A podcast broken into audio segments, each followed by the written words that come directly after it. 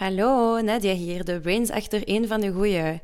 Voordat ik je verder laat luisteren, wil ik nog even iets vertellen over deze tweede aflevering.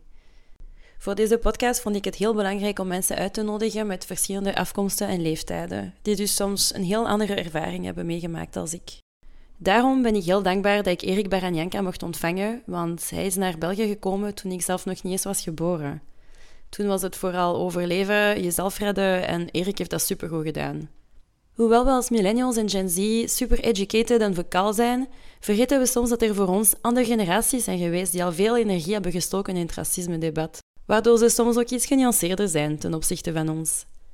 We mogen ze heel dankbaar zijn dat we vandaag over decolonisatie kunnen nadenken, bijvoorbeeld. Dat sommigen van ons van bepaalde privileges nu genieten, waardoor we een platform hebben om deze onderwerpen aan bod te laten komen, zoals deze. Ik vond mijn dialoog met Erik heel interessant en hopelijk jullie ook. Geniet van deze tweede aflevering.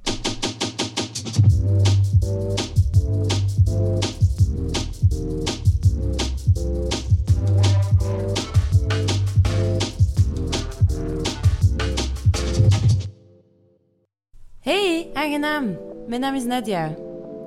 Hoe bedoel je? Oh nee, ik ben gewoon hier geboren, enfin in Luik. Mijn ouders. Uh, ja, mijn papa is Algerijns, Arabisch, ja. Hoe bedoel je? Ik zie er niet zo uit. Tegen u kan ik dat wel zeggen. Zo, dat is toch niet zo? Maar dat is toch een compliment? Jij zei een van de goeie. Um, dank u. Op dit moment in België heeft volgens Stadbel 1 op 5 mensen een buitenlandse achtergrond. Met een van de goeie wil ik boeiende gesprekken voeren met andere mensen die zoals ik opgegroeid zijn tussen twee culturen.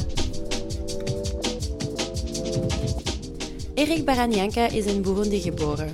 Begin jaren 60 moest hij het land vluchten met zijn familie en werd hij deels opgevoed door een Vlaams gezin. Niet veel later ontdekte hij muziek en besloot hij carrière te maken als muzikant. Je kent hem misschien nog als frontman van de Catnet Band.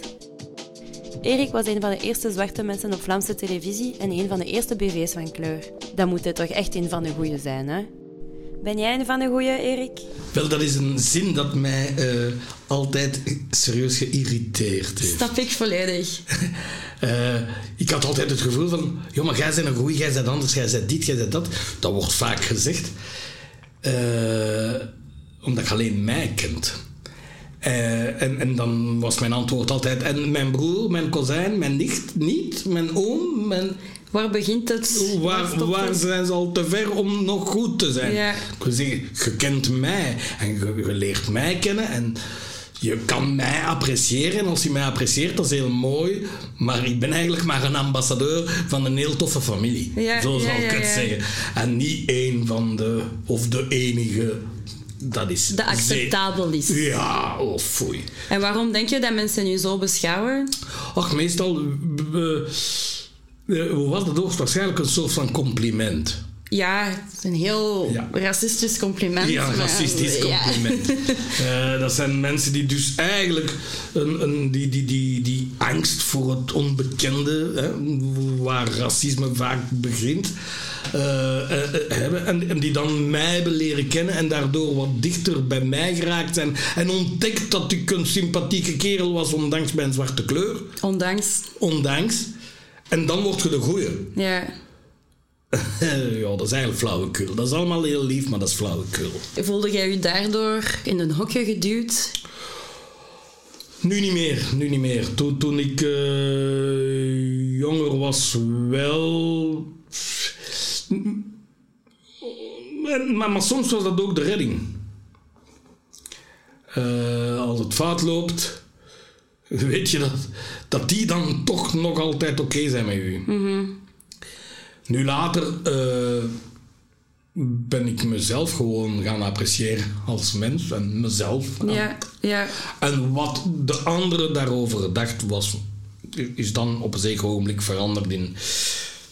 Kan mij niet schelen Ja. wat je er over mij denkt. Ik weet wat ik over mezelf denk. En ik weet wat ik kan bereiken. En ik weet wat ik waard ben. En ik weet dat heel goed, omdat ik rond mij mensen heb die echt eerlijk, mooi van mij houden. Ja. En die een juiste spiegel zijn, weerspiegeling zijn Ja. van wie ik ben. En dus wat iemand die mij niet kent van mij denkt, is het laatste van mijn probleem. Ja, ja, ja. Maar dat dat blijft nog altijd iets fout. Hè? En soms kwetsend. Allee, Ja, zeker. het is sowieso... Je moet een lange weg afleggen vooraleer dat je effectief zo in je hart voelt ook. Allee, het, is, het is een ding om dat rationeel te denken. Van, het kan me niet schelen wat de anderen denken. Maar als je zo'n opmerking krijgt of dat je iets ziet passeren... of dat je microagressies naar iemand anders hoort... Ook, kan dat ook heel kwetsend en traumatiserend zijn. Of terug oude herinneringen roepen en zo. Dat kan. Maar nu niet meer. Met, met, met, de, met, de wereld die in, in verandering gaat de evolutie naar dat denken sneller gebeuren dan toen ik alleen eenzame kleine zwarte in, het, in de of Flanders. Hoe was dat dan? Vertel eens. Oh, Schets ons een beeld. Oh, maar eigenlijk, eigenlijk kan ik alleen maar positieve dingen vertellen natuurlijk. Eh, alleen nee, ik heb er twee, ik heb twee dingen. Als ik bij mijn mama leefde, dan zat ik in, eh, in, de, in, in de erge toestand. In de, in de, echt in de shit van wat een, een vreemdeling een, eh, kan, kan meemaken. eh, Bij uw mama, bij- uw Vlaamse bij- mama. bij- Nee, nee, bij mijn moeder, mijn echte moeder. Ja. Dus in de week zat ik daar in Anderlecht, eh, in, in, in een toren op zesde verdiep, eh, in de buurt van waar dat de dingen nu gebeuren regelmatig op Ja. televisie. Daar woonde ik en, en ik was altijd eh, bij de laatste van de klas, omdat mijn mama helemaal niet klaar was om haar kindjes op te voeden in Anderlecht. Ja, In Burundi wel, maar niet in ja, Anderlecht. ja, ja. Terwijl als ik dan in, in Lembeek zat bij mijn pleegouders, dan was ik een nummer één. Omdat die tijd hadden voor mij en dat die naast mij zaten als ik mijn huiswerk moest doen enzovoort enzovoort. Ja. Dus daar, daar scoorde ik. Maar dus ik heb daar echt, ik heb, ik heb al in mijn jeugd echt de twee mogelijke aspecten van, van, van, van het leven van een kleine vreemdeling. eh, allochtoon werd toen nog niet gezegd, dat was gewoon een vreemdeling. Dus ik heb, ben maar heel, heel laat Belg geworden, omdat ik zo lang mogelijk de laatste band met mijn geboorteland wilde behouden. Ja, Dat was mijn, uw mijn paspoort, mijn ja. identiteit, ja, mijn identiteitskaart. Maar, eh, dus in, in, in Lembeek eh, zat ik dus in, in, die, in die familie, in die zeer bourgeois familie. Eh, mijn pleegpapa Paul Bricou was de voorzitter van de turnclub, de lokale turnclub. Mijn pleegmama Emma die was de voorzitter, voorzitter van de vrouwelijke afdeling. Dus ik ben beginnen turnen toen ik daar belandde. En daar werd ik heel snel door de gemeenschap van Lembeek opgenomen. Het is ook een, een, echt een klein dorp toen, zeker. Waardoor iedereen iedereen kende. En dat ik gewoon de zwette was, de kleine van bij de jumenes van de turnkring. En daar had ik, dus van kleins af heb ik vriendjes gemaakt. En niemand, daar, daar moest door mij niemand lastigvallen. Ja, Als ik in Anderlecht was, dan was dat een heel ander gegeven. Eh, we hadden het heel moeilijk thuis, dus... eh, eigenlijk heb ik, heb ik daarvoor ook een, een theaterstuk geschreven en dat heet De Zwetten. En in De Zwetten leg ik goed uit wat, wat, wat mijn emoties, verschillende emoties waren. Zolang ik in Lembeek was, was ik De Zwetten. Dat was een, een, een, een, een bijnaam. Zoals iedereen in Lembeek een bijnaam heeft. Eh, en, en dat was allemaal oké. dat is een Maar- klein beschermd omgeving. Voilà. Een microcosme bijna. Voilà, dat is het. Maar vanaf het moment dat ik verder ging, eh, en dan zeker als ik in Anderlecht zat, dan was ik, eh, zoals ik in, het- in het stuk zeg, dan werd ik ne zwette. Ja, ja. Eén anoniem zwart Ja, kind. met alle vooroordelen en alle en stereotypen. alle gevaren en, en, ja. en, en, en, en het eh, ja, zero bescherming van, van de maatschappij. Ja. Dat- ja, dat... vreselijk.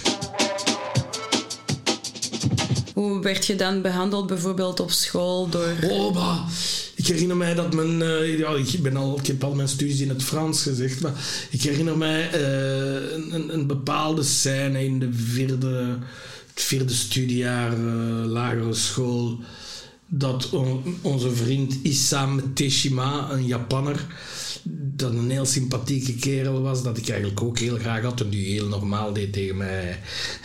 Eh, dat die, die, die kerel moest met zijn familie terug ergens naartoe. Werd die misschien terug naar Japan? Ik weet het niet, maar in elk geval, ze gingen niet in België blijven. En die waren heel graag gezien. En toen zei mijn juf: Ja, we zullen familie Teshima, de familie Teshima, echt hard missen. Uh, want, maar zij moeten terug naar hun land. Moest de familie Baranyanka hetzelfde doen, zouden we wel niet missen. Wat? Ik herinner het mij nog altijd. En jij zit daar gewoon... Als kereltje van 10, 11 jaar in het vierde studiejaar. Ja, ik herinner het mij perfect. En ik zie exact nog in welke school. Dat was een school, dit l'école P2, 4 zijn van twee scholen die een fusie hadden. Ik zie die lokaaltjes voor Ja. mij. En ik herinner mij perfect. wat Ja, die- dat blijft wel hangen, hè? ja, Zoiets. dat blijft zo, zoiets blijft hangen, ja. Jezus. Ja. En in je tienerjaren is dat dan beter geworden? Of heb je meer misschien... Maar kijk, op een zeker ogenblik op mijn twaalfde eh, moest mijn mama naar Afrika. Ineens mm, woonde ik constant in Lembeek. Eh, in, in een zeer evenwichtige familie. eh, en, en, en daar is mijn leven volledig veranderd. Want dan ineens ja, werd ik begeleid voor school. En ik zeg het, was ik altijd eerste of tweede van de klas. Ja. In het vijfde studiejaar, in het zesde studiejaar. En, en, en daarna ben ik naar het college in Nedingen gegaan. Maar dat was allemaal in een soort van normaliteit. En- en Ik hoorde dan niet meer bij, bij de randgevallen. Ja. En, en dat was dan heel anders. Natuurlijk vanaf het moment dat ik eh, ging puberen, dat ik eh, op zoek ging naar een vriendinnetje, toen begon de miserie opnieuw natuurlijk. Ja. Want eh, geen enkele papa, mama in de buurt had gewenst dat hun dochter zou uitgaan met een zwarte. En, eh, Werd dat ook echt zo tegen u gezegd? Of? ja, ja, en nog andere dingen ook die gebeurden. Is dat, en dat was het, zo, het was zo dat, dus als ik spreek over mijn echte mama, spreek ik over maman. En als ik spreek over mijn blanke mama, spreek ik over moeke. Oké, gotcha. Voilà. En als, als, als het gebeurde, dan Moeke mij zei van zeg Erik, eh, we hebben hier nog even eh telefoonnetje gehad van een, de mama en de papa van een zekere... En ik zal de naam niet noemen, want die meisjes zullen wel zich herkennen. Eh, om te vragen van ja, wie dat jij waart en uit welke nest dat jij kwam en wat dat, wie, wie dat daar rond, rond hun dochter draaide. En dat is iets dat regelmatig gebeurde. Dat mensen belden van, ja maar zeg, wat is dat hier? Eh, Of, of gewoon niet belden en zeiden van, het is heel simpel, het is gedaan. Ja. Eh, meisje, jij gaat niet meer uit. Zolang dat jij met die kerel rondhangt, ga jij gewoon niet meer uit. Dan blijf jij binnen. ja. Tof. En zo, zo is dat... Dat is lang zo geweest. Het was ook zo dat in die tijd... bon, in Lembeek kenden ze mij. eh, maar als ik dan wou uitgaan rond mijn 15, 16 jaar... Wou ik dat wel, maar dat mocht niet altijd. Maar, maar dan, ja, dat gebeurde dan vanaf mijn 16 jaar, zeker 17 jaar. Dat was dan één keer per alle drie maanden of zoiets. Maar overal was ik dan wel geconfronteerd met... eh, nee, hier komen geen vreemdelingen binnen. Nee, ga buiten. Nee, dat... eh. Eh, In ja, clubs dat- en zo en op café. En, ja, ja, ja, op café zo niet, hè, maar in danscafés, in discotheken, daar was ik gewoon niet welkom. En ik had nogthans, ja, ik zeg het altijd, ik was, was een van de enigen, in, in, de enige zwarte. Of later kwam er dan nog een, een Marokkaans vriendje erbij, de Mo. En, en, en Mo en ik waren de enige vreemdelingen die, die daar tussen die, 12, vij- die klik van 12, 15 man vertoefden. En vaak ja, werd ik gewoon buiten gegooid en kwam die hele troep mee naar buiten. Ja, Zo ja. was het dan wel. Maar, Dat is wel- dat is wel maar, ja, het kwaad is geschied. Hè. De, de, de, pijn in, in je hart, in je, in je zijn, die was, die, Ja. ja. dat, dat was er dan wel. Hè. Ja. En dan heb je ja, muziek ontdekt, Ja. de passie, ja. En gekozen om muziek te maken. Ja, ja, dat is stil aangekomen rond mijn... Dat is begonnen rond... ja, eigenlijk, ik heb altijd graag muziek. eh, niet muziek, ik heb graag gezongen altijd. Dus ik, ik was, zat in een koortje als ik acht jaar was. Ik zat in een koortje als ik elf jaar was. Eh, en dan, ja, rond mijn 14, 15 bracht er een, een klasgenoot een, een gitaar mee, een Spaanse gitaar. Dat hij, hij leerde dat op, eh, in de academie. En daar heeft hij mij een paar nootjes eh, geleerd. En dat heeft mijn leven volledig veranderd. Die klanken, en ik heb dat nu nog. Ik, ik, ik kan echt eh, high worden van een gitaarklank. Ja. En dat, dat gaat heel diep door heel mijn lichaam. En ja, dat, toen wist ik het, dat, dat is het. Dat is het. Ja. Maar ik was een brave jongen die goed luisterde. Dus heb je dat altijd op tweede rang gezet. Maar, maar dat, dat, dat, dat, vocht. Eerst je studies aan, eh, afmaken en dan... Ja, eh, dat heb ik geprobeerd. Ik, heb mijn secundaire kunnen afwerken. Ik ben dan ook naar hogere school gegaan en zo. Maar interesse, pff, ja. nee, nee, nee. Je had je ding gevonden en dat was muziek. Dat was eh, muziek ja. en, en, en dat was het. En hoe heb je dat nu weggevonden naar de Vlaamse media? Toeval. Toeval? Gewoon eh, lef. Eh, maar ik, het is gewoon eigenlijk ook toeval, een groot deel toeval. Ik heb toen beseft dat er in mij een sterke artistieke drang was en dat dat ook mijn redding zou zijn, achteraf gezien. En eh, ja, door dat streven was het zo dat, ik, eh, dat, dat je de toeval uitlokt. Eh, ik zat op café rond mijn 17, 18 jaar. En kwam er naast mij een kerel staan en die zei: Schijnt dat jij zingt. Dat was Tien Bergmans, de, een van de stichters van Clouseau. Maar die woonde daar in de buurt. Wil jij bij ons komen zingen? Ja. En dan van één groep, als, als zij dan stopte, was er wel een andere groep die vroeg van Erik, wil jij komen zingen? Ja. En dus zo verhuis je van één goede groep naar een wat mindere groep, naar een terug betere groep enzovoort enzovoort. Ik zat ooit eens op een terras voor de kroeg waar ik graag vertoefde en dan kwam een man voorbij en dat bleek eh, achteraf eh, Anton Kogen te zijn, regisseur. Iedereen kende hem als eh, de commissaris bij Megamindi. Een Zo sympathieke straatman. En die kwam, die kwam voorbij en die vroeg mij: Spreek jij Nederlands? En ik zei ja. Eh, wil jij acteren, theater spelen? Ja. Zo uit het niks. Zo uit het niets. En afgesproken en dan ben ik gaan repeteren in Sint-Genesius Maar Rode. was die aan het zoeken naar een zwarte man? Of, Hij zocht een. Wat zocht hij? Hij- Een, een, een, een zo'n soort van heilige.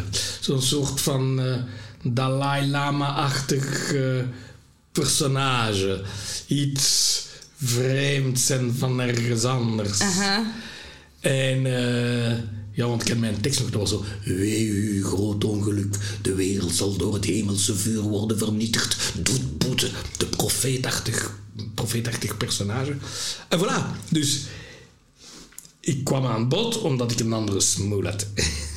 maar pas op, eh, Anton is een zeer goede vriend gebleven en eh, all my regards. Eh, Dag Anton. Nee, nee. En, en ja, dat was ook een, een vreselijke flop, de- dat theaterding. Eh, Sorry Anton. dat was, ja, ja nee, nee. Eh, het, het, ging gewoon over zijn, zijn... Het was een stuk van de Gelderode. Dus dat was heel ingewikkeld. Ik heb daaraan meegespeeld. Maar eigenlijk heb ik maar de helft begrepen wat ik aan het doen was. Maar zo was ik. Ik dook. Ik ging ervoor. Je Altijd. hebt alle kansen. Altijd. Ik, heb ooit eens eh, de Celestijnse belofte gelezen. Eh, dat is zo- zo'n klein boekje waar men... Ja, daar is veel kwatsch in, maar daar, zijn, daar is één ding in dat zegt dat je regelmatig tips krijgt, kansen krijgt. En die, als je ze niet grijpt, gaan ze gewoon voorbij. En, en dus niet twijfelen, gewoon gaan. Brengt het niks op, heb je niks verloren, Ja. want je hebt gewoon je eigen gebracht. En voor de rest weet je nooit wat eraan komt. En dus ik ben altijd, ik heb altijd in, in die. Ik, ik grijp mijn kansen als het kan. ik doe, ik ga. En dan ja, van het een komt het ander, dan blijf je muziek spelen. Dan, en, dan, en op een dag zat ik in de wagen, ik was al tien jaar ouder, ja, zat ik in de wagen en hoor ik dat ze iemand zoeken voor een productie rond de Jacques Brel. Altijd van geweest van Jacques Brel. Eh, en, en ik had het gevoel, ik, ik zat naast een kameraad die eigenlijk aan het stuur zat en ik zei hem, deze rol, die is voor mij. En ik heb de rol gehad. Nice. En zo zat ik in de musical Anonymous Society. En, en, en, en zo ben ik ook in een theatergezelschap beland. Eigenlijk toeval en altijd ja zeggen. Ja. De ene musical na de andere. Allee, dat waren dinnershows vaak. En, en ineens zat ik in een musical, Aladdin.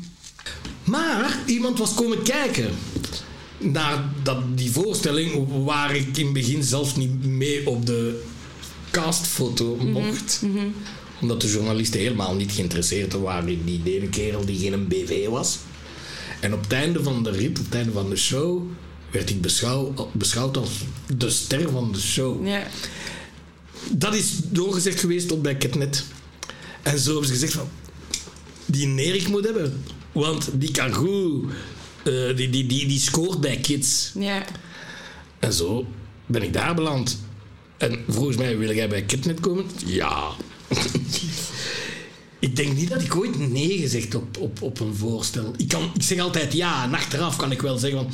Jongens, dat is niks voor mij. Ja. Sorry. Ja. Stap achteruit. Maar nee zeggen omdat ik mij niet goed voel. Omdat ik me niet goed voel. Nee, nee. Misschien... Nee, ze hebben me nooit gevraagd om voor Vlaams Belang te komen spelen. Maar Wie weet, wie weet. Don't give up on your dreams, Erik. Voilà. Nee, dus voilà. En, en, en dat was het vooral. Toeval. To- toeval En heb je toen- En, en positief. Toen een beetje druk gevoeld van als eerste eigenlijk de deur open doen en ja, Omdat ik het niet besefte, niet hè. ja, Ik deed het maar. En, en ik zeg het, ik, ik, ik, was, ik was toen al toch al 25, 26 jaar met een heel leven achter mij. Een heel leven van problemen beleven, problemen meemaken, maar ook een leven van sterker worden. En, en dit dankzij de, de, de, de, de lessen die ik gekregen heb van mijn twee moeders, moet Ja, ik zeggen. Want ja. Mijn moeder was geen simpele, dat was een prinses en de trots van die prinses, ja, dat kon je niet onder banklostoelen stoppen. Dat was prinses Baranjanka. Ja. Eh, waar dat die ook kwam, eh, zelfs hier in België, ondanks het feit dat ze zo in de miserie beland was om, dank, door al die politieke toestand. Maar als zij ergens in bepaalde milieus binnenkwam, eh, dat er Belgische militairen die ooit in, in Afrika gezeten hebben, dat was prinses Baranjanka. Dat Ja, een, ja. een grote buig en een, handzoen. En, en dus die heeft mij wel altijd gegeven. Vergeet niet wie dat zei, hè, matke. En zeker als ik terug naar Afrika ga, ik laat u hier, maar vergeet niet wie dat je bent. Ja. Uh, ja, ja, ja, ja, ja, maar, ja, ja. En, en, en bij Moeke was dat juist hetzelfde. Van wat je hier allemaal kunt horen of meemaken, trekt u niet aan, hè, man. Blijf staan hè, en wees fier op wie je bent. Hè. Dat is lang- belangrijk. Langs beide kanten heb ik die input gehad, waardoor ik inderdaad al nooit gebogen heb. Ik ben altijd recht blijven lopen, met een kop recht. Ja. Fier op, op wie ik ben. niet twijfelen aan uw waarde en aan uw recht om te geen bestaan. seconde, geen milliseconde. Dat kon niet. Dat kon gewoonweg niet. Ik was zo niet opgevoed. Ik was zo niet. En ik was uh, hoogstwaarschijnlijk in mijn innerlijke ook zo. Heb je zelf veel vrienden van kleur? Eh, ja, ja. Al zijn dat... Maar ja, ik, ik zoek er niet naar. Hè. Dat, eh, pff. Maar ik, ik moet zeggen dat ik... Dat ik ja, de meeste kleur, ehm, vrienden van kleur dat ik heb, zijn familieleden, moet ik eerlijk Ja. zeggen. zijn mijn nichten, mijn kozijnen. eh, eh, gewoon omdat ik er geen, geen tegenkom ook. Hè, zeggen. En dan ja, de mensen waarmee ik ooit gewerkt heb natuurlijk. Hè. Daar zijn er ook tussen. Collega's binnen de showbiz, eh, vrienden van kleur. ja, ja, ja, ja. Maar minder dan mijn blanke vrienden. Ja, ja maar dat komt Maar ook dat een beetje door de omgeving waar dat je in bent opgegroeid en op school bent geweest. Voilà, dat is de het. hè. media en de muzieksector is ook niet heel divers. Voilà, dat is het. Of toch niet genoeg? Ja, ja, maar ik, stel me natuurlijk de vraag niet van, hoe, van waar dat je komt voor alleen even vrienden. Maar man, mannen van mijn leeftijd, vrouwen van mijn leeftijd. Wij zijn allemaal heel, heel relaxed tegenover al dat gebeuren. Dat laten wij aan ons voorbij gaan. We komen uit twee verschillende generaties. Ik denk dat mijn generatie ook heel veel woede heeft, maar ook nog heel veel kracht om, om, ja, om die moeilijke gesprekken te voeren en zo. En waarschijnlijk ook nog heel veel hoop in verandering. Heb jij nog hoop in verandering? Oh, maar ik denk dat die verandering volop bezig is. Hè? Ja, Want dat, eh, waar jonge mensen voor strijden. eh, ik geef hen gelijk, hè. Maar je bent blij dat andere mensen dat voor je doen. Ja, ik daarvoor. Allee, ja, wat ga ik op, nog op zo'n barricades gaan doen? Dat is mijn plaats niet meer. Ja, Nee. En ik zeg het, ik wil, ik wil gewoon nog verder gerust en gelukkig leven. Dat wil niet zeggen dat je daarvoor eh geblinddoekt door het leven stapt, hè, ver van. Hè. En als er posities moeten genomen worden, dan neem ik die ook. En dan zal ik die ook eh, uiten. Maar de, de, ja, sommige dingen vind ik niet echt. maar je bent wel een publieke persoon, dus op zich het feit dat jij je daarover spreekt en dat je daar... Ja, maar dan doe ik dat op mijn manier en dan Ja. doe ik dat in mijn. Voilà, inderdaad. Met de zwetten. Ja, En, en in de zwetten gaan, dat is. In, in, wat ik geprobeerd heb in de zwetten is in elk geval geen wij-zij-verhaal. D- Dat haat ik. ja. Dat wij-zij. Want eigenlijk steek je eigenlijk allemaal de wijs in ene zak en al de zijs in een andere zak. En dat is, zo zit het leven niet in elkaar Ja, er is een beetje van mij in de zij en er is een beetje van zij in de mij. En, en dat is een feit. En, en, en ja, zo, zo door dat soort van radicalisering beide kanten eh, zie ik twee haantjes tegenover elkaar staan. Ik zie het nut er niet van in. ja. Dat is wel een belangrijk punt. Ik vind ook dat er te vaak wordt gesproken over de racisten. Maar ik heb iets van racisme zit niet in bepaalde personen wel en anderen niet. Racisme zit op Ik alle heb, me, ik heb van de mezelf ook al betrapt om, op racisme. Dat is een Maar we zijn ook allemaal opgegroeid in een racistisch koloniaal of postkoloniaal wereld. Dus dat is ook normaal dat we dat allemaal geïnternaliseerd hebben. Voilà. Maar ik vind het belangrijk dat we niet te denken in, in, in de zin van... Ik ben geen racist. Ik, te- het is niet omdat je geen racist bent dat je soms niet racistische reflexen hebt of racistische dingen of problematische Het dingen is hard zegt. werken om het volledig uit je leven, uit je denken te halen. En de eerste stap is om het bij jezelf te herkennen Ja. en, Ja, te kunnen toegeven. Ja, ik, absoluut. Absoluut. Ik heb mezelf ook regelmatig en vaak, en dat doet nog, dat gebeurt nog. Vertel. Dat ik, dat, nee, dat ga ik niet doen. Dat ga ik niet doen. nee, nee. Ik wil de krant halen. Allee.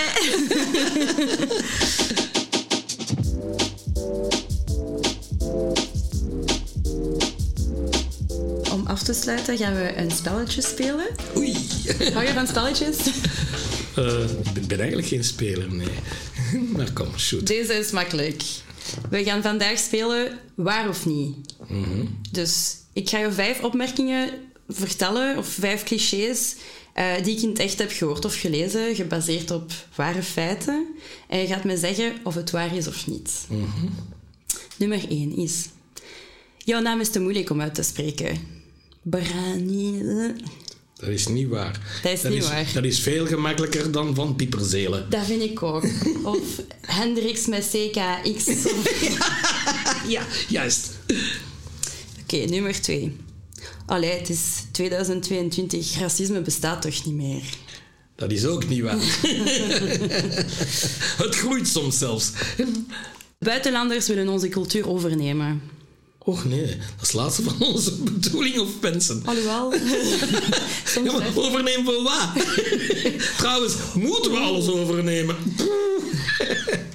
Eh, Vlaamse kost is lekkerder dan Afrikaans eten. Dat is ook niet waar, hè? Ik mag het zeggen, omdat ik opgegroeid ben in een buurt met veel zwarte mensen. Eh, wat, mag, wat mag je zeggen? Nee, nee daar, daar u...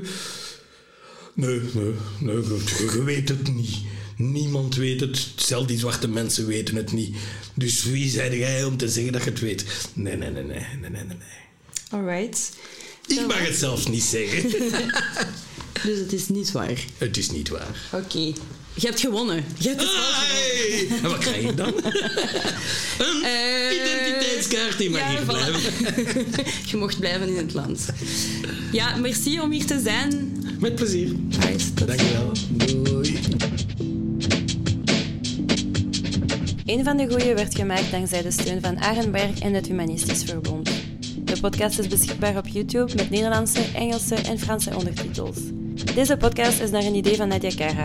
Extra dank aan de vele helpende handen, het Arenberg-team en Anaco. Als je het leuk vond, geef het alsjeblieft een leuke review en volg mij at Nadia Kara met een K op Instagram, TikTok en YouTube om de volgende afleveringen niet te missen. Volgende week praat ik met Safia Zin. Tot dan!